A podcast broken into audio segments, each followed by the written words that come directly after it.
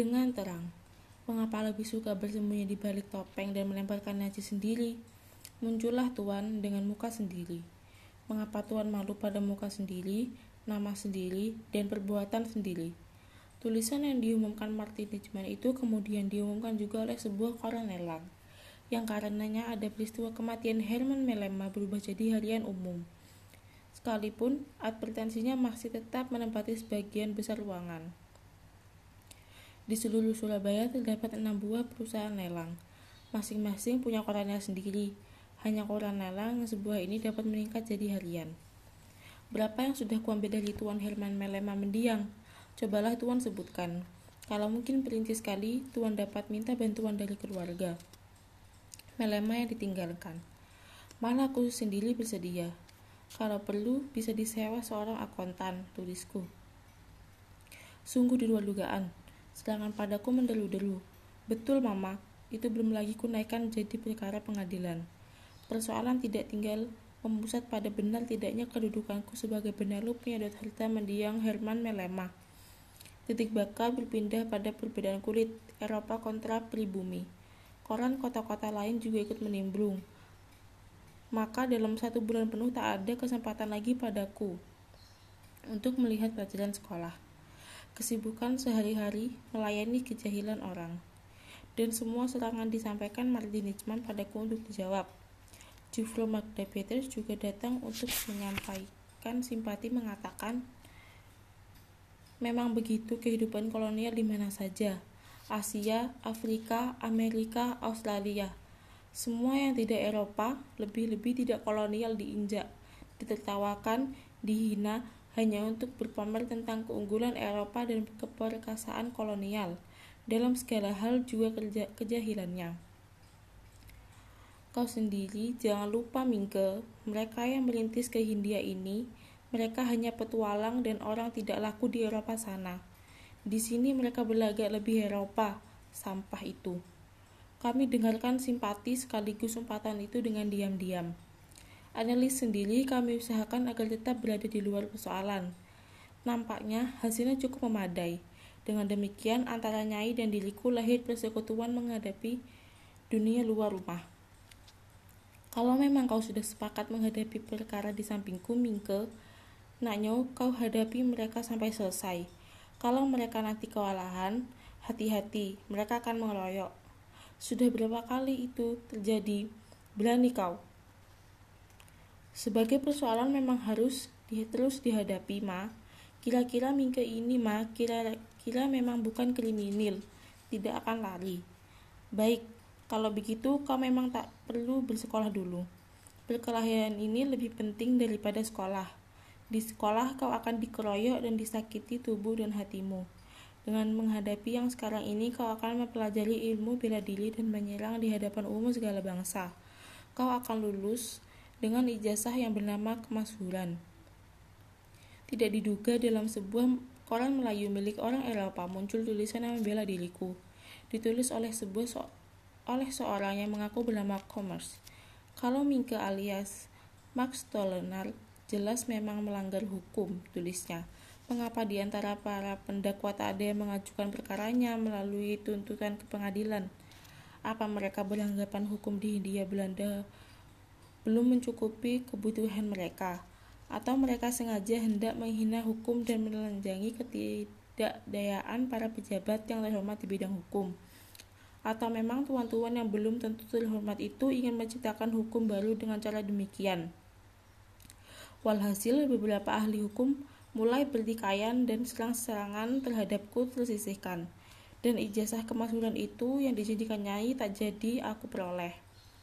Nyai Ontosoroh nampak tenang-tenang menghadapi segala kemungkinan. Dalam kesibukan luar biasa, Anelis semakin menekuni pekerjaannya. Urusan dengan dunia luar rumah ia percayakan pada kami berdua. Dan dengan mendadak saja, aku terakui sebagai satu-satunya lelaki anggota keluarga yang tidak syah tentu. Sidang pengadilan tak dapat ditunda lebih lama. Robert Melema dan si gendut tetap tak dapat ditemukan maka pengadilan akan menghadapkan Babah Ahjong sebagai terdakwa. Pengadilan putih, pengadilan Eropa. Bukan karena Ahjong punya forum privilegiatum tapi karena adanya koneksiet, koneksitate. Sebagaimana aku ketahui duduk perkaranya di kemudian hari. Ia dituduh dengan sengaja dan direncanakan telah membunuh Herman Melema baik secara perlahan-lahan maupun secara sekaligus. Mungkin ini sidang terbesar di Surabaya selama ini, digalakan oleh warta dan pertentangan dalam koran-koran. Penduduk Surabaya dari segala bangsa memerlukan datang untuk menyaksikan. Dari kota-kota lain dikabarkan orang pada berdatangan juga. Juga Abang Nyai dari Tulangan. Orang bilang pengadilan ini juga paling mahal. Tidak kurang dari empat orang penerjemah tersumpah dipergunakan. Jawa, Madura, Tionghoa, Jepang, dan Melayu. Semua penerjemah adalah orang Eropa Toto. Tuan Telinga, Jen Marais, dan Komar juga datang. Komar malah menyatakan sejak ia menjadi juru warta tak pernah terjadi gedung yang sangat ditakuti itu kini mendapat kunjungan demikian meriah. Seorang pemilik kantor dan koran yang aku kenal juga hadir sekolah HBS Surabaya untuk pertama kali dalam sejarah tutup. Guru dan siswa memindahkan kelasnya di pelataran gedung pengadilan. Dr. Martinet terpanggil untuk jadi saksi ahli di bidang kedokteran. Babah Ajong menggunakan seorang pembela yang didatangkan dari Tiongkok menggunakan bahasa Inggris. Dengan demikian, penerjemah pun ditambah lagi dengan seorang.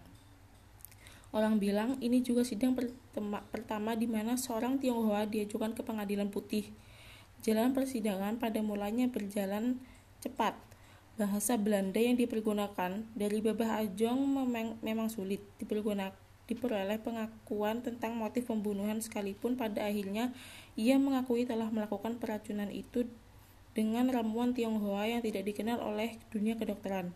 Ia tidak mau mengakui perincian ramuan hanya bahwa akibat daripadanya adalah si peminum kehilangan keseimbangan sebagaimana telah dicobakan pada 10 orang pesakitan pembunuh di penjara kali sosok.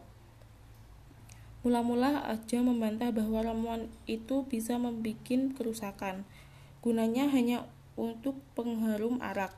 Katanya, seorang sinsei yang diajukan sebagai saksi ahli menolak keterangan itu dan terdakwa terdesak pada pertahanannya yang paling lemah, yang mengatakannya pada pengakuan pembunuhan. Apa motif pembunuhan? Pada mulanya Ajeng mengatakan ia sudah jemu dengan langganan yang tak juga mau pergi selama lima tahun itu. Tapi ia tak dapat jawaban pertanyaan, apa yang ditemukan selama langganan mendatangkan keuntungan, dan mengapa pula Robert Melakema kemudian juga ditampung Tanya-tanya tanya jawab dengan Nyai Ontosoroh telah membuat perempuan yang jadi binatang pengadilan itu meramah padam. Ia tidak diperbolehkan menggunakan bahasa Belanda. Ia diperintahkan menggunakan Jawa, menolak dan menggunakan Melayu. Ia menerangkan rekening almarhum Herman Melema kepada Ahjong adalah 45 gulden sebulan yang selalu ditagih di kantornya oleh seorang pesuruh. Belakangan juga rekening Robert Melema sebanyak 60 gulden sebulan. Pak Robert membayar lebih mahal? Karena jawab Ahjong Sinyo Lobel cuma mau Maiko saja yang tarifnya paling mahal dan untuk dirinya sendiri. Apa benar Maiko melayani Robert Melema saja? Maiko membantah. Ia melayani, melayani siapa saja sesuai dengan perintah Babah Ahjong termasuk Babah Ajung sendiri. Apalagi karena Robert Melema makin lama makin kehabisan kekuatan dan kemauan. Untuk memuaskan para peminat Maiko mendapat pertanyaan, apa selama jadi pelacur tidak pernah mengidap penyakit kotor? Saksi ahli Dr. Martinet menerangkan benar, Maiko mengidap sipilis. Apa Maiko tidak menyesal telah menyebarkan penyakit di negeri orang? Ia menjawab, bukan menjadi kehendakku bila aku terkena penyakit. Penyakit bukan aku yang membuat. Tugasku sebagai pelacur hanya melayani keinginan langganan. Masih dalam rangka hendak memuaskan para peminat, pertanyaan lain datang lagi. Siapa yang membuat penyakit itu? Dengan suara bening dan indah. Maiko mengatakan tidak tahu. Bila langganan tertulari karena aku, bukanlah itu menjadi kesalahanku. Apa Babah Ahjong pernah menyatakan kejanggalannya pada Nyai? Nyai menjawab tak pernah bertemu dengan tetangganya itu seumur hidup. Ia hanya bertemu dengan rekeningnya. Pertemuannya yang pertama kali adalah dalam sidang pengadilan. Akhirnya pengadilan menubruk-nubruk pada banyak soal yang tidak selesai sehingga sering menjengkelkan orang banyak. Tak hadirnya Robert Melama dan si gendut memang jadi penghalang yang tak dapat ditawar. Tapi dari sekian banyak tanya jawab yang aku nilai sebagai menubruk-nubruk adalah tentang hubunganku dengan analis. Yang memungkinkan banyak orang tertawa terbahak dan cekikikan. Dan pada gilirannya baik hakim maupun jaksa tak melewatkan kesempatan untuk menertawakan hubungan kami di depan umum. Juga hubunganku dengan Nyai ditampilkan dalam pertanyaan-pertanyaan bersirat, menjijikan dan biadab. Aku sendiri menjadi heran betapa orang Eropa, guruku, pengadepku bisa berbuat semacam itu. Beruntung tanya jawab itu tidak dibikin berlarut, sekalipun aku mengerti tujuannya adalah hendak membuktikan ada tidaknya hubungan kelamin antara kami atau tidak, dan hubungan kelamin sebagai jembatan keikutsertaan kami dalam tindak pembunuhan. Ah Jong meringankan kami dengan pertanyaannya bahwa baik Nyai, aku, analis, Darsam, dan orang-orang lain tidak mempunyai persangkutan dengan pembunuhan. Dan itulah kunci yang membebaskan kami dari perkara ini.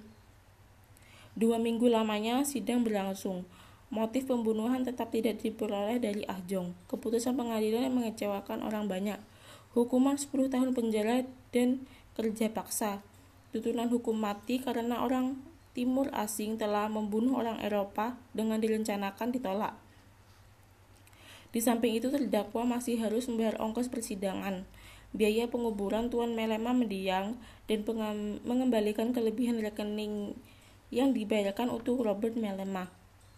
Ah Jong menerima hukuman yang dijatuhkan dan segera masuk penjara. Pembantu-pembantunya dijatuhi hukuman antara 3 sampai 5 tahun.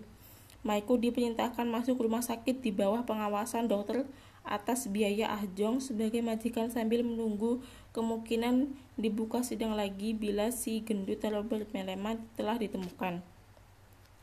Pengadilan untuk sementara selesai, aku masuk sekolah. Teman-teman sekolah sudah hadir di pelataran waktu bendiku berhenti di pintu gerbang. Mereka menunda kesibukan hanya untuk memperhatikan dan melihat aku lewat. Belum lagi masuk kelas Seorang telah menyampaikan perintah Tuhan direktur untukku dan menghadaplah aku. Inilah kata-katanya. Mingke, juga aku sebagai pribadi dan wakil semua guru dan siswa mengucapkan selamat atas kemenanganmu di pengadilan. Secara pribadi, aku ucapkan selamat atas kegigihanmu dalam membela diri terhadap serangan umum. Aku dan kami semua bangga punya siswa berbakat seperti kau. Sidang pengadilan telah diikuti oleh para guru, dan siswa. Tentu kau juga tahu Mingke. Memang mendapat perhatian besar dari kami karena memang siswa sekolah ini sekarang dengarkan keputusan Dewan Guru dalam pertemuan-pertemuannya dan perbincangan yang tidak mudah tentang dirimu seorang. Berdasarkan jawaban-jawabanmu di depan pengadilan, maksudku dalam hubungan dengan analis melema, Dewan Guru memutuskan sebagai siswa kau sudah terlalu dewasa untuk bergaul dengan teman-teman sekolahmu dan terutama sekali dianggap berbahaya bagi para siswi. Sidang Dewan Guru tak berani bertanggung jawab atas keselamatan para siswa pada orang tua atau wali mereka. Kau mengerti? Lebih dari mengerti Tuan Direktur. Sayang sekali beberapa bulan lagi kau semestinya sudah akan lulus. Apa boleh buat semua itu Tuan Direktur sendiri yang menentukan. Ia mengulurkan tangan padaku dan mengucapkan, gagal dalam sekolah Mingke, sukses dalam cinta dan kehidupan. Waktu aku meninggalkan kantor, sekolah sudah mulai kuli. Kulihat semua mata ditujukan padaku melalui jendela. Aku lambaikan tangan dan mereka membalas. Balasan yang justru membuat hati tiba-tiba jadi murung harus berpisah dengan orang-orang yang ternyata masih mengindahkan si pribumi ini. Kusir bendi masih berjaga di tempat. Aku segera naik waktu bendi mulai bergerak. Kusir kuperintahkan berhenti. Seorang berlarian memanggil. Jufro, Magda Peters, dan aku turun. Sayang Mingke, aku tak mampu mempertahankan kau. Aku sudah berkelahi sekuat daya. Sidang pengadilan itu Sudah cukup kurang ajar menanyakan soal-soal yang begitu pribadi sifatnya di depan umum. Terima kasih, Jufro. Ia pergi. Aku naik dan Bendi berjalan pelan-pelan atas permintaanku. Ya, pengadilan itu memang cukup kurang ajar. Jaksa dengan sengaja hendak mengobrak-abrik kehidupan kami di depan umum sebagai sambungan dari perasaan Robert Suhrov. Seakan mengulangi pertanyaan Dr. Martinet, jaksa bertanya dalam Belanda yang dijawabkan oleh penterjemah.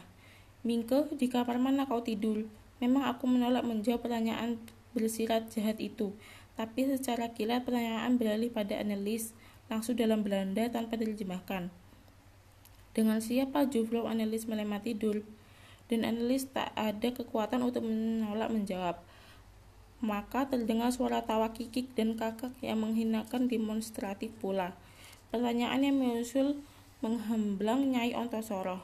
Nyai Ontosoroh alias Sanikem gundik mendiang Tuan Herman Melema bagaimana bisa Nyai membiarkan perbuatan tidak patut antara Nyai punya tamu dengan Nyai punya anak. Derai tawa semakin meriah, mengejek lebih demon administratif juga jaksa.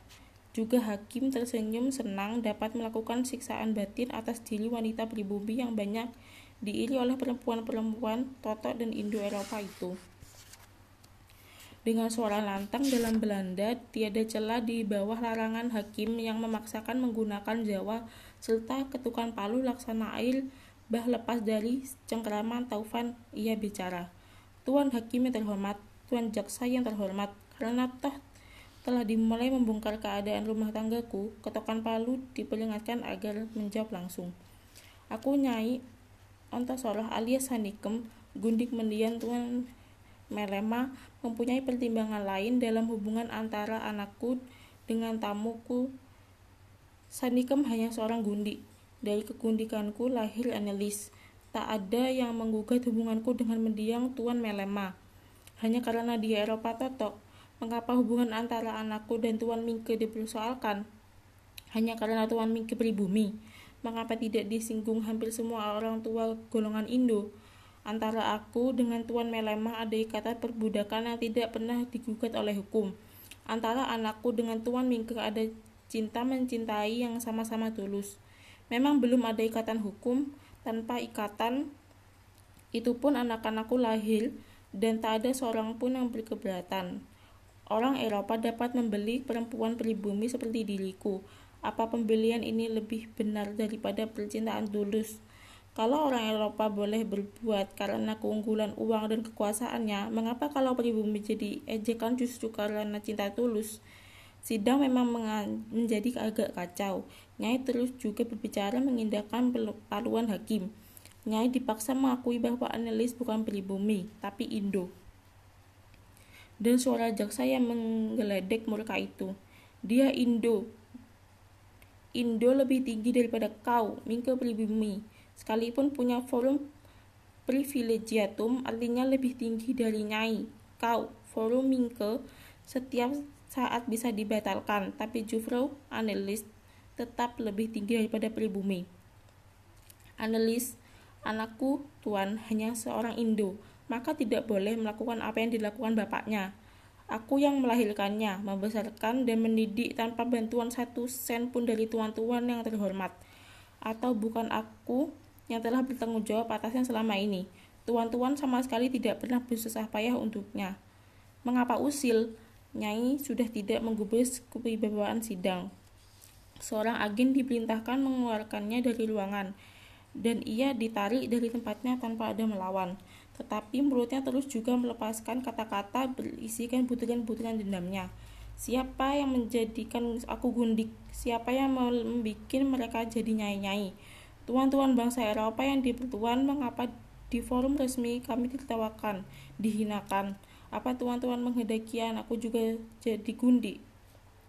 Suaranya bergaung-gaung ke seluruh gedung dan semua kehadiran dan semua hadirin terdiam agen yang menyeretnya lebih cepat dalam melaksanakan tugas.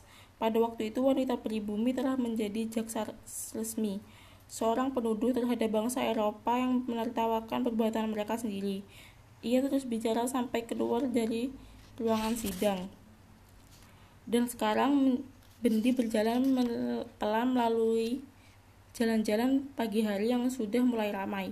Sekarang di luar sidang dan pengadilan sekolah juga telah mengetokkan palu. Aku sudah tidak sama dengan teman-teman sekolahku. Berbahaya bagi para siswi. Dipecat tanpa terhormat dari sekolah.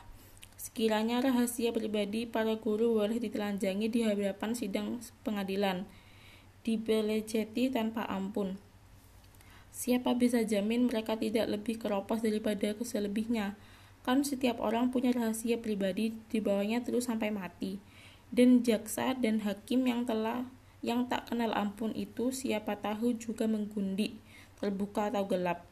Mungkin tanpa pengawasan umum dan hukum tingkahnya jauh lebih busuk daripada Herman Melema terhadap Sanikem.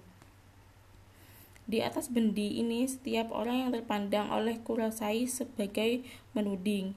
Itulah dia si Mingke yang sudah sekamar dengan analis wanita yang belum dinikahinya.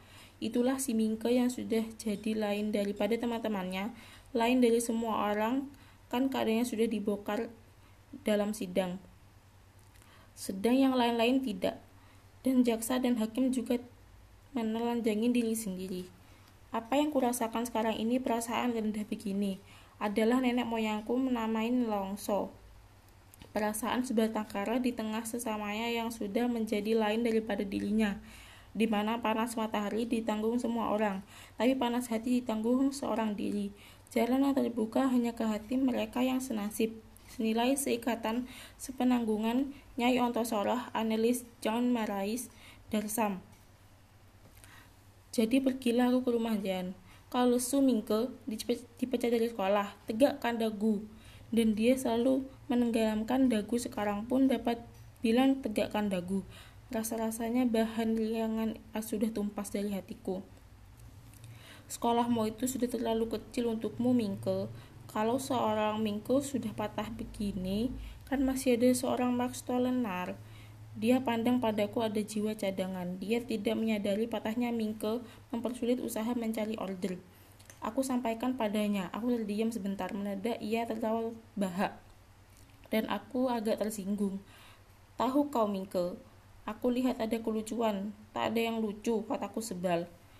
Ada, tahu kau. Ada hanya satu obat buat kesulitanmu. Nikah, Mingke. Kau harus kawini analis. Tunjukkan pada dunia kau tidak gentar menghadapi mata setan pun. Biar kau jadi seperti yang lain-lain. Tak banyak yang dipinta mereka hanya kembali jadi bagian mereka. Orang-orang dungu tak kebudayaan itu berkebudayaan itu. Kawin Mingke. Hanya kawin. Magda Peters menganggap sidang itu kurang adil terhadap kami. Memang tidak berkebudayaan. Itu penilaian paling tepat. Ada juga koran Melayu Belanda mengatakan begitu. Hanya tidak sekeras itu. Pertanyaan-pertanyaan seperti itu semestinya dilakukan dalam sidang tertutup. Ya tapi ada koran Belanda yang justru mengatakan Mama kurang adil telah mengacaukan sidang, tapi kata-kata Mama malah tidak dimuat. Baca tulisan Komar, dia marah seperti singa terluka. Dia ada di pihakmu. Ceritakan sajalah, aku kesegan baca. Tulisnya, perbuatan jaksa dan hakim itu menghina semua golongan Indo-Eropa yang berasal dari pergundikan dan penyayan anak-anak mereka kalau diakui ayahnya menjadi bukan pribumi, tidak diakui menjadi pribumi. Artinya pribumi sama dengan anak gundik yang tidak diakui sang ayah. Ia juga mengecam pengungkapan perkara pribadi Komer menilai jaksa dan hakim itu tidak berbudi Eropa, lebih buruk dari pengadilan pribumi yang dilakukan Wiroguno atas diri Prono Citro barang 250 tahunan yang lalu. Mingke, siapa mereka aku tak tahu. Lain kali sajalah aku ceritakan. Sampai di rumah, aku langsung masuk kantor mengabarkan bencana baru itu. Dan, Ma, bagaimana pendapat Mama kalau kami kawin? Tunggu, apa hendak diburu? Aku ceritakan tentang kesulitan yang menimpa usahaku mencari order. Mungkin aku menimpa usaha jam Marais juga. Apa boleh buat, nak? Menyesal belum bisa menuliskan. Hari-hari persidangan telah banyak merugikan perusahaan. Kemerosotan harus disusul lebih dahulu. Karena nak, tanpa perusahaan berjalan baik, keluarga ini akan kehilangan kehormatannya. Aku harap kau bisa mengerti. Aku perhatikan bibirnya yang bicara dengan tenang itu. Ia benar-benar menerapkan pengertianku. Mingke telah lama kurenungkan keanehan hidup ini. Kalau aku tak berhasil menyelamatkan perusahaan ini, aku akan merosot jadi nyai-nyai biasa yang boleh dihinakan semua orang, dipandang dengan sebelah mata. Nelis akan sangat menderita. Percuma aku nanti sebagai ibunya. Dia harus lebih terhormat daripada seorang yang Hindu biasa. Dia harus jadi pribumi terhormat di tengah-tengah bangsanya. Kehormatan itu bisa didapatnya hanya dari perusahaan ini. Memang aneh nak, begitulah maunya dunia ini. Analis sendiri sedang bekerja di belakang. Duduk di kursi dalam kantor begini, masalah Toto, Indo, dan pribumi membayang di hadapan mata batinku menghusuri kenerangsaan sendiri. Unsur-unsur itu membentuk jaring-jaring kehidupan laksana jaring laba-laba dan di tengah-tengahnya adalah si laba-laba, gundi atau nyai-nyai. Dia bukan menampung semua kurban yang datang padanya, sebaliknya. Jaring-jaringnya menangkap semua penghinaan untuk titelannya seorang diri. Dia bukan majikan, dia hidup sekamar dengan tuannya, dia tidak termasuk golongan anak yang dilahirkannya sendiri. Dia bukan totok, bukan Indo, dan dapat dikatakan bukan pribumi lagi. Dia adalah gunung rahasia, dan tanganku mulai menulis lancar, pikiran komer.